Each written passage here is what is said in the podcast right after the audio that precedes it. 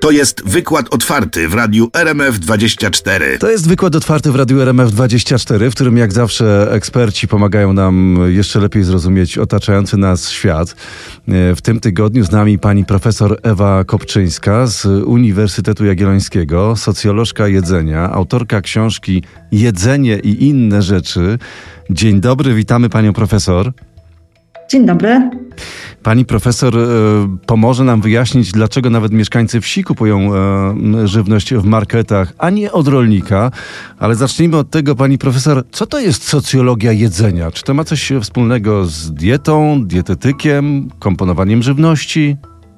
Niespecjalnie, e, muszę tutaj rozczarować pana, niespecjalnie ma e, coś wspólnego z dietą. Ja się na e, dietetyce nie znam, znam się na ludziach, znam się na życiu społecznym i tak się składa, że to życie społeczne również wokół jedzenia się toczy i krąży. I socjologia jedzenia jest właśnie taką dyscypliną, która, czy subdyscypliną, która zajmuje się tym, co jako ludzie, jako grupy, jako rodziny, jako e, kultury, narody wokół jedzenia robimy w sensie społecznym. Mhm. Oczywiście te dietetyczne tematy to też jest e, interesująca kwestia dla socjologa, ale nie z punktu widzenia odżywczego, tylko z punktu widzenia na przykład tego, jakie wartości albo jakie mhm. zwyczaje towarzyszą tym naszym dietetycznym e, poczynaniom. Zostaniemy przy tym e, języku socjologicznym, pani profesor. Czym jest jest demokracja żywieniowa? Jak myśleć o jedzeniu właśnie w, w taki sposób demokratyczny, bo to się wydaje bardzo skomplikowane.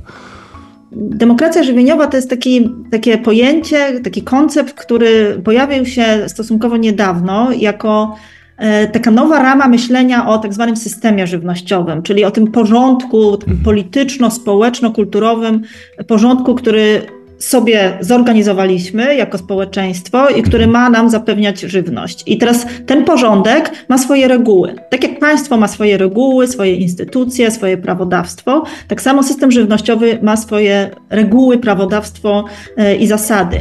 I teraz demokracja e, żywieniowa to jest taka, takie zawiera w sobie takie przekonanie, że każdy z nas jest nie tylko konsumentem, nie tylko je, ale też jest takim obywatelem spożywczym albo obywatelem żywieniowym, to znaczy ma prawo współdecydować, ma prawo brać udział w dyskusji, jak ten porządek będzie zorganizowany.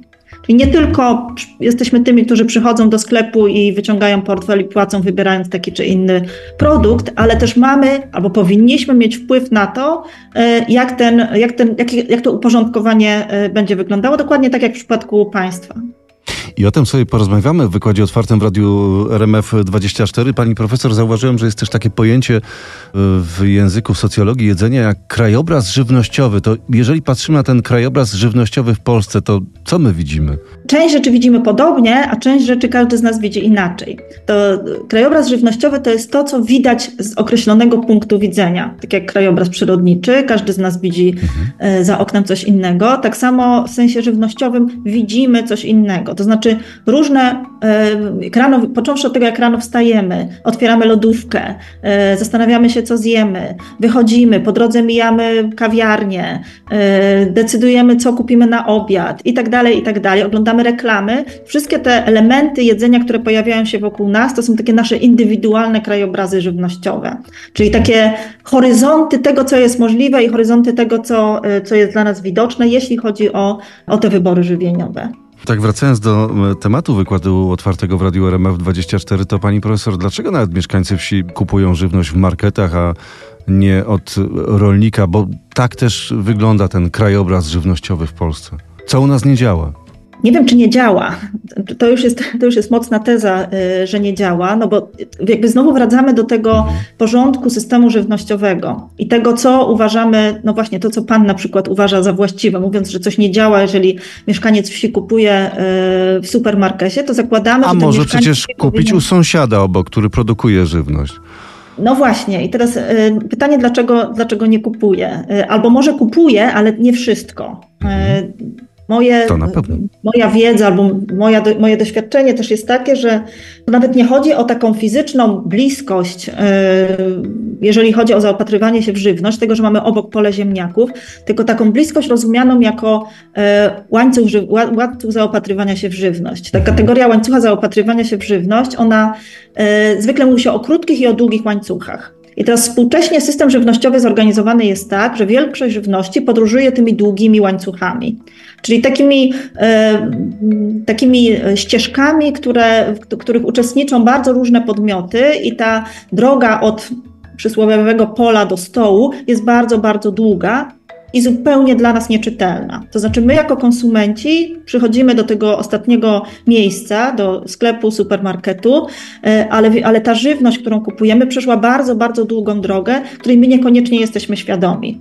I to oddalenie od miejsca produkcji e, jest no właśnie czymś bardzo typowym, ale też z punktu widzenia na przykład różnorodności, którą się zajmowaliśmy ostatnio w projekcie przez kilka lat, w projektach badawczych, mhm. jest e, problematyczna ponieważ ona ma kilka bardzo, bardzo, bardzo y, trudnych, sprawia kilka, kilka trudności, kilka problemów na takim poziomie e, społecznym, gospodarczym, no ale też środowiskowym. Mhm. I teraz y, jeszcze raz jakby wracając do tego pytania, dlaczego wszyscy bez względu na to, gdzie jesteśmy, zaopatrujemy się w supermarketach, dlatego, że to jest najprostsze, najwygodniejsze i też to jest taki domyślny, mainstreamowy sposób zaopatrywania się w żywność. A wszystko to, co poza ten mainstream, co w tym mainstreamie się nie mieści, wszystkie te nie wiem, tradycyjne na przykład sposoby, albo samodzielna produkcja, kupowanie od sąsiada, bezpośredni kontakt, że one wymagają trochę więcej pracy. One wymagają więcej czasu, więcej energii, trzeba się dopytać kogoś, trzeba gdzieś do kogoś dzwonić. I dlatego pani profesor, i dlatego rolnik przegrywa tę wojnę z handlarzem?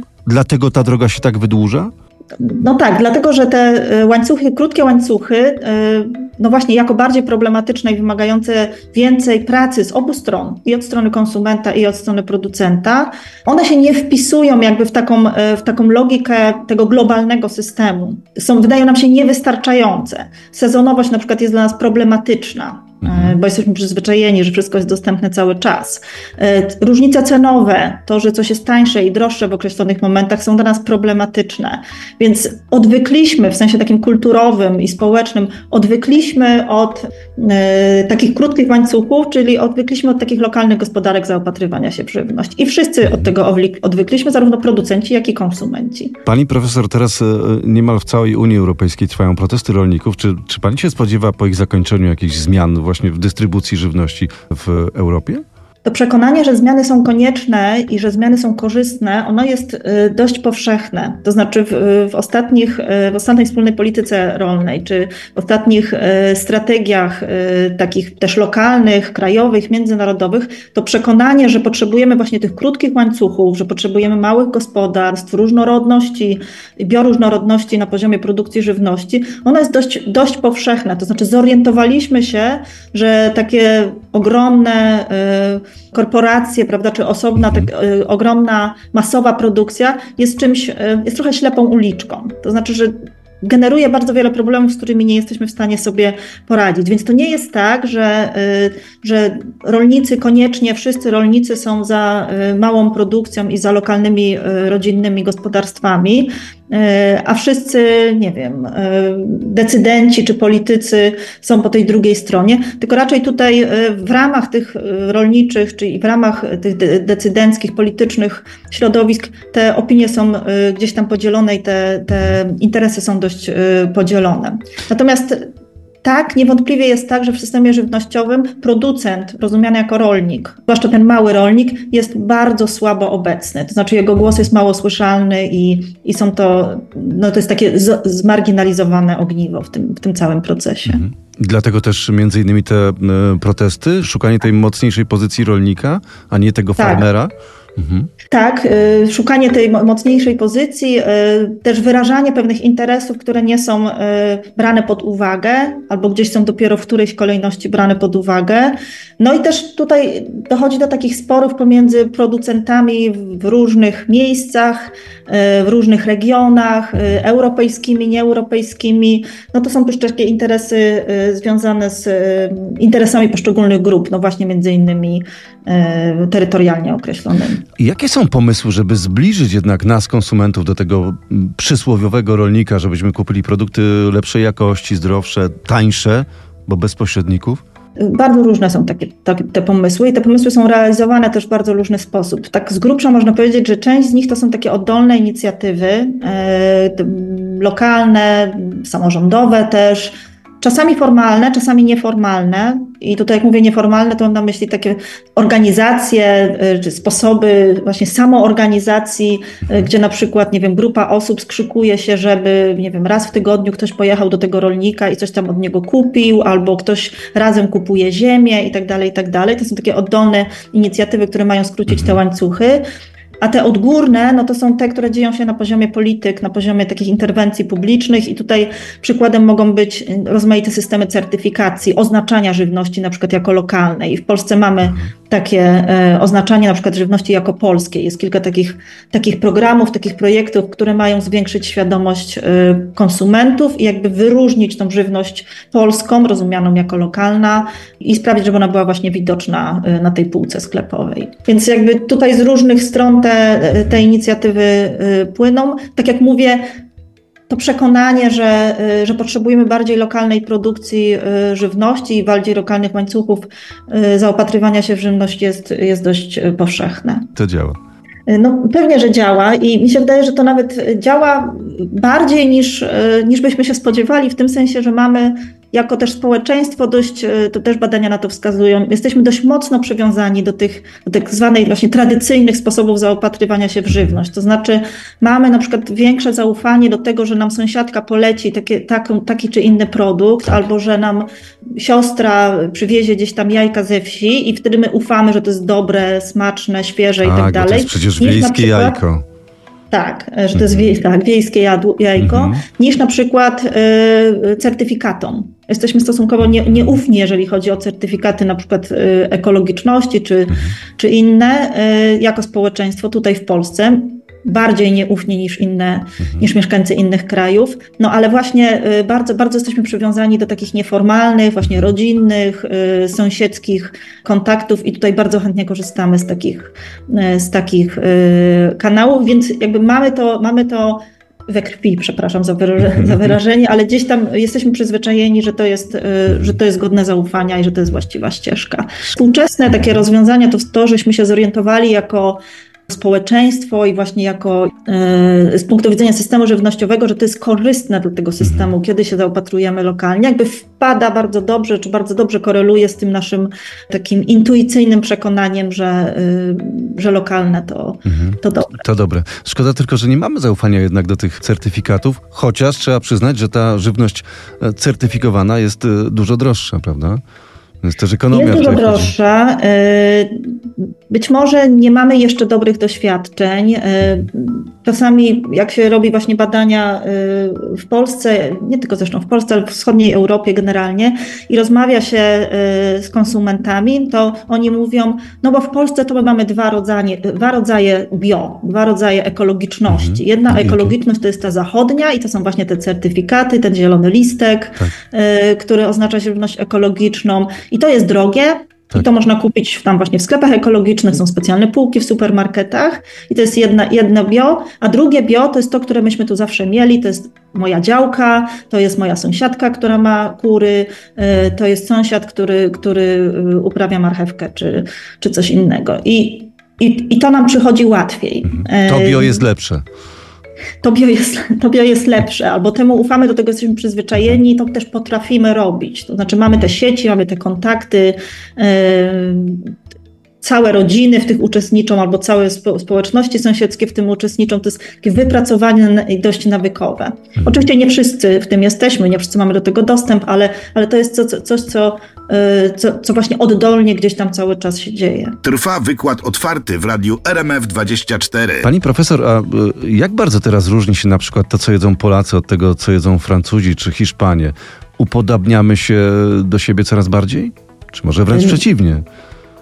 Upodabniamy się tym bardziej, im bardziej jesteśmy członkami tego samego, czy uczestniczymy w tym samym rynku spożywczym. E, mamy dostęp do, zaopatrują nas te same sieci supermarketów, ci sami producenci, te same marki i oczekujemy, że one będą nawet jako konsumenci oczekujemy, że one będą takiej samej jakości. Nie wiem, czy Pan pamięta, była parę lat temu taka sprawa, kontrowersja związana z tym, że niektóre produkty, które były oferowane na y, rynki wschodnioeuropejskie, były inne, gorszej jakości albo Mhm. innych parametrów niż te, które były oferowane y, do zachodniej Europy. I tutaj Unia też zajęła w tym, y, agencje unijne zajęły w tym stanowisko i jakby dążąc do ujednolicenia tej, tych, tych produktów. Więc generalnie jemy to samo, to znaczy dostępne w supermarketach mamy to samo, chociaż oczywiście ten nasz, m, nasze przyzwyczajenia, nasza kultura żywieniowa Mhm. jest inna. Znaczy mamy Zjemy zupę pomidorową, a nie gazpacho, tak? Jemy y, bigos, a nie y, paella, tak? Mam, wiadomo, że jakby kulturowo jesteśmy inni. Jeżeli patrzymy z punktu widzenia y, odżywczości, czy nie wiem, zdrowotności, albo właśnie takiego zrównoważenia naszej diety, no to badania też pokazują, że powszechnie i chyba też intuicyjnie to widzimy, że na przykład kraje południowej Europy jedzą dużo więcej warzyw i owoców, czy wyraźnie więcej warzyw i owoców niż y, północnej Europy czy wschodniej Europy, no co oczywiście przekłada się na większą zdrowotność. I ta słynna dieta śródziemnomorska też jest y, pewnym kulturowym, y, nie tylko dietetycznym, ale też kulturowym szablonem. Więc mamy tutaj my na przykład w Polsce mamy pewne elementy takiej kultury, takiej, takich tradycji kulinarnych, które są problematyczne z dietetycznego punktu widzenia, e, na przykład przywiązanie do mięsa. E, Natomiast też oczywiście mamy pewne wartości, mamy pewne, pewne tradycje, które są e, cenne, na przykład kiszonki, znakomite e, sposób O każdej na, porze roku, a zwłaszcza zimą. Zwłaszcza. Tak, tak. Związane też z tą sezonowością i to jest taki, taka wartość, taki zasób kulturowy, który zdecydowanie, zdecydowanie e, wart jest podtrzymywania również takiego zdrowotnego, dietetycznego i też takiego ekologicznego e, punktu widzenia. I o ile my się możemy bardzo łatwo przekonać do diety śródziemnomorskiej, o której pani profesor e, wspominała, to czasami ciężko przekonać kogoś e, z Europy Zachodniej do zjedzenia e, kiszonej kapusty albo ogórka e, kiszonego. Pani profesor, czy to jest dobrze, że my się zbliżamy do tej e, zachodniej kuchni, czy, czy może nie powinniśmy na przykład jeść cytrusów, jeśli nie rosną w naszej okolicy? Ta E, dostępność jest dobra Mhm. tego wszystkiego? O każdej Ja na, to, ja, ja na to pytanie nie odpowiem. Ja nie wiem, czy to jest dobre, czy niedobre. E, To się dzieje. Ja to mogę socjolożka, jako socjolożka powiedzieć, że to się dzieje. Dietetycy pewnie mają swoją opinię, czy to jest dobre, czy to jest niedobre. Z punktu widzenia takiego takiego, takiego z góry, takiego politycznego, czy właśnie z punktu widzenia tego systemu żywnościowego, no to to ujednolicenie diet, y, oprócz tego, że zagraża lokalnym kulturom, to znaczy zapomnimy jak się robi bigos, to y, no właśnie wydłuża te łańcuchy zaopatrywania się w żywność. To znaczy sprawia, że stajemy się przyzwyczaj, że przyzwyczajamy się do tego, że na przykład te cytrusy są dostępne cały rok i że truskawki również w grudniu y, i, i tak dalej, i tak dalej. Więc to, nie jest dobre jakby z punktu widzenia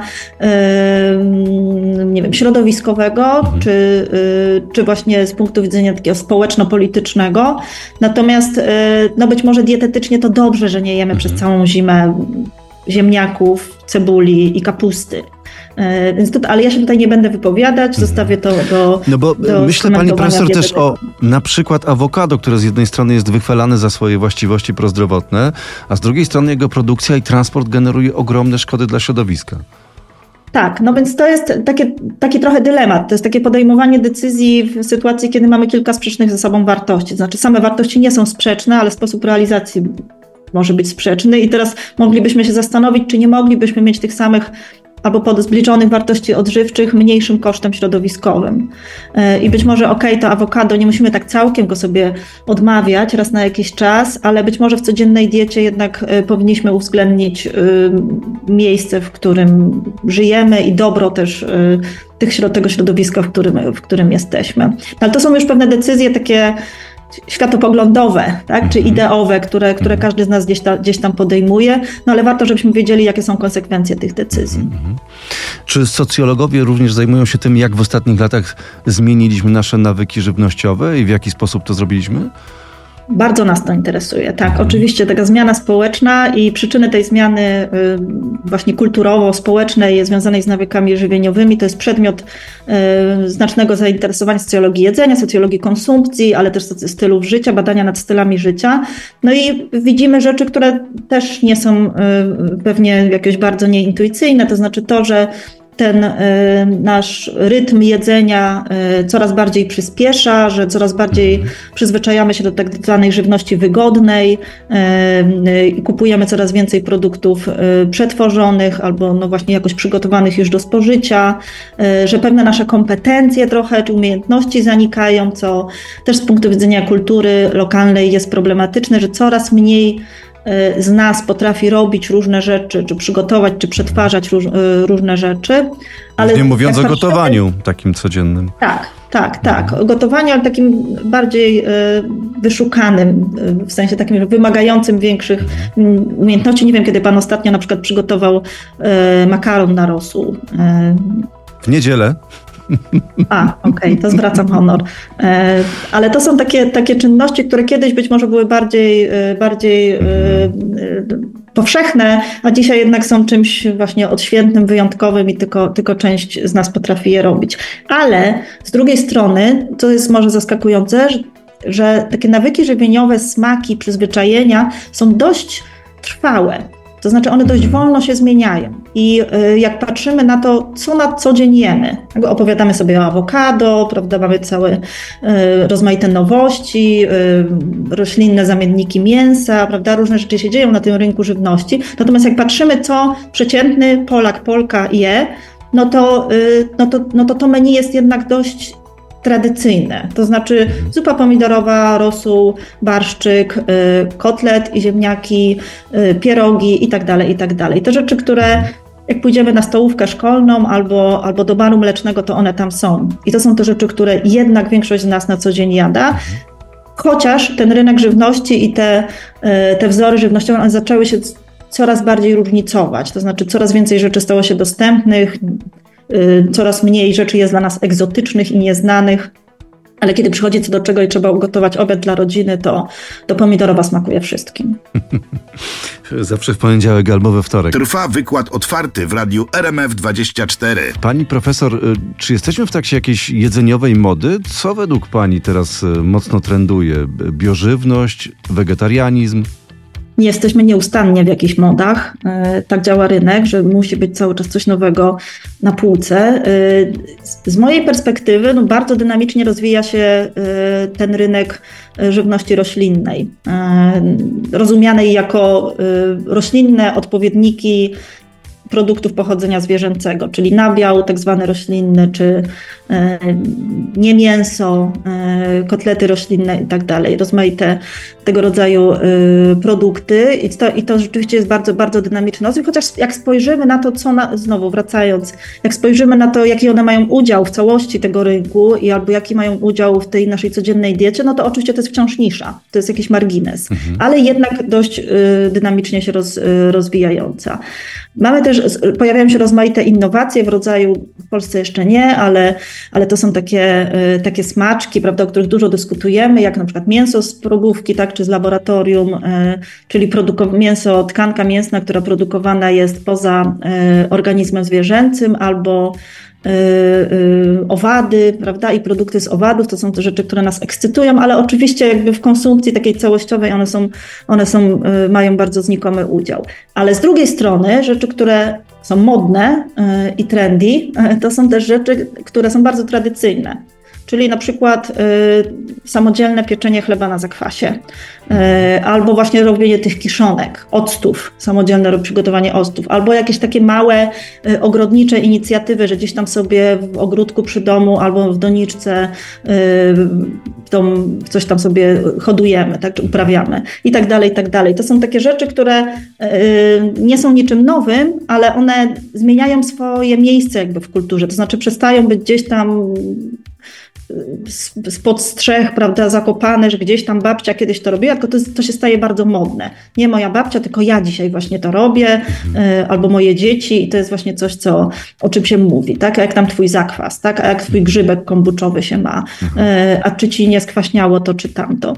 Tak, to są też takie, takie, takie y, trendy czy takie mody, które no, wydaje się bardzo, bardzo korzystne, tak? bo one trzymają tą, odnawiają tą kulturę, tą, te tradycyjne sposoby przetwarzania żywności. Dobre i bardzo zdrowe są takie mody. Pani profesor, a co czeka tuż za rogiem? Czego na naszych stołach czy sklepowych półkach będzie jeszcze więcej? E, to jest bardzo trudne pytanie. Zawsze jak się takie wizje tworzy, no to zwykle te wizje są przedłużeniem tego, co się dzieje teraz. E, a później rzeczywistość e, idzie w innym kierunku i okazuje się, że jak kulą w płot. Więc tak z, z dużą ostrożnością proszę traktować to, co znaczy ja traktuję z dużą ostrożnością to pytanie i moją mhm. odpowiedź też tak proszę traktować. No ja myślę, że ta właśnie ta żywność roślinna będzie coraz bardziej obecna i coraz bardziej znana i powszechna i wchodząca do do, do takiego codziennego menu. No na pewno będą się pojawiać nowe mody związane z różnymi e, kulturami, czy z różnymi, z żywnością gdzieś tam odległą. No mieliśmy taki, taką modę na, e, może mamy dalej, na żywność, e, na potrawy azjatyckie. Mieliśmy oczywiście dawno tam, temu modę na nieustannie trwającą na kuchnię włoską, hiszpańską, y, może przyjdzie moda na kuchnię skandynawską y, czy, czy, czy, czy krajów północnych, może przyjdzie moda na, y, na kuchnię Afryki Południowej. Też wydaje się, że zupełnie nie rozpoznaliśmy jeszcze tej tradycji, a, a jest na pewno zainteresowanie nią, więc wydaje się, że, y, że jeszcze mamy parę, parę regionów, czy parę, parę y, tradycji, parę kultur y, kulinarnych, które, które mogą wejść na, na nasze stoły.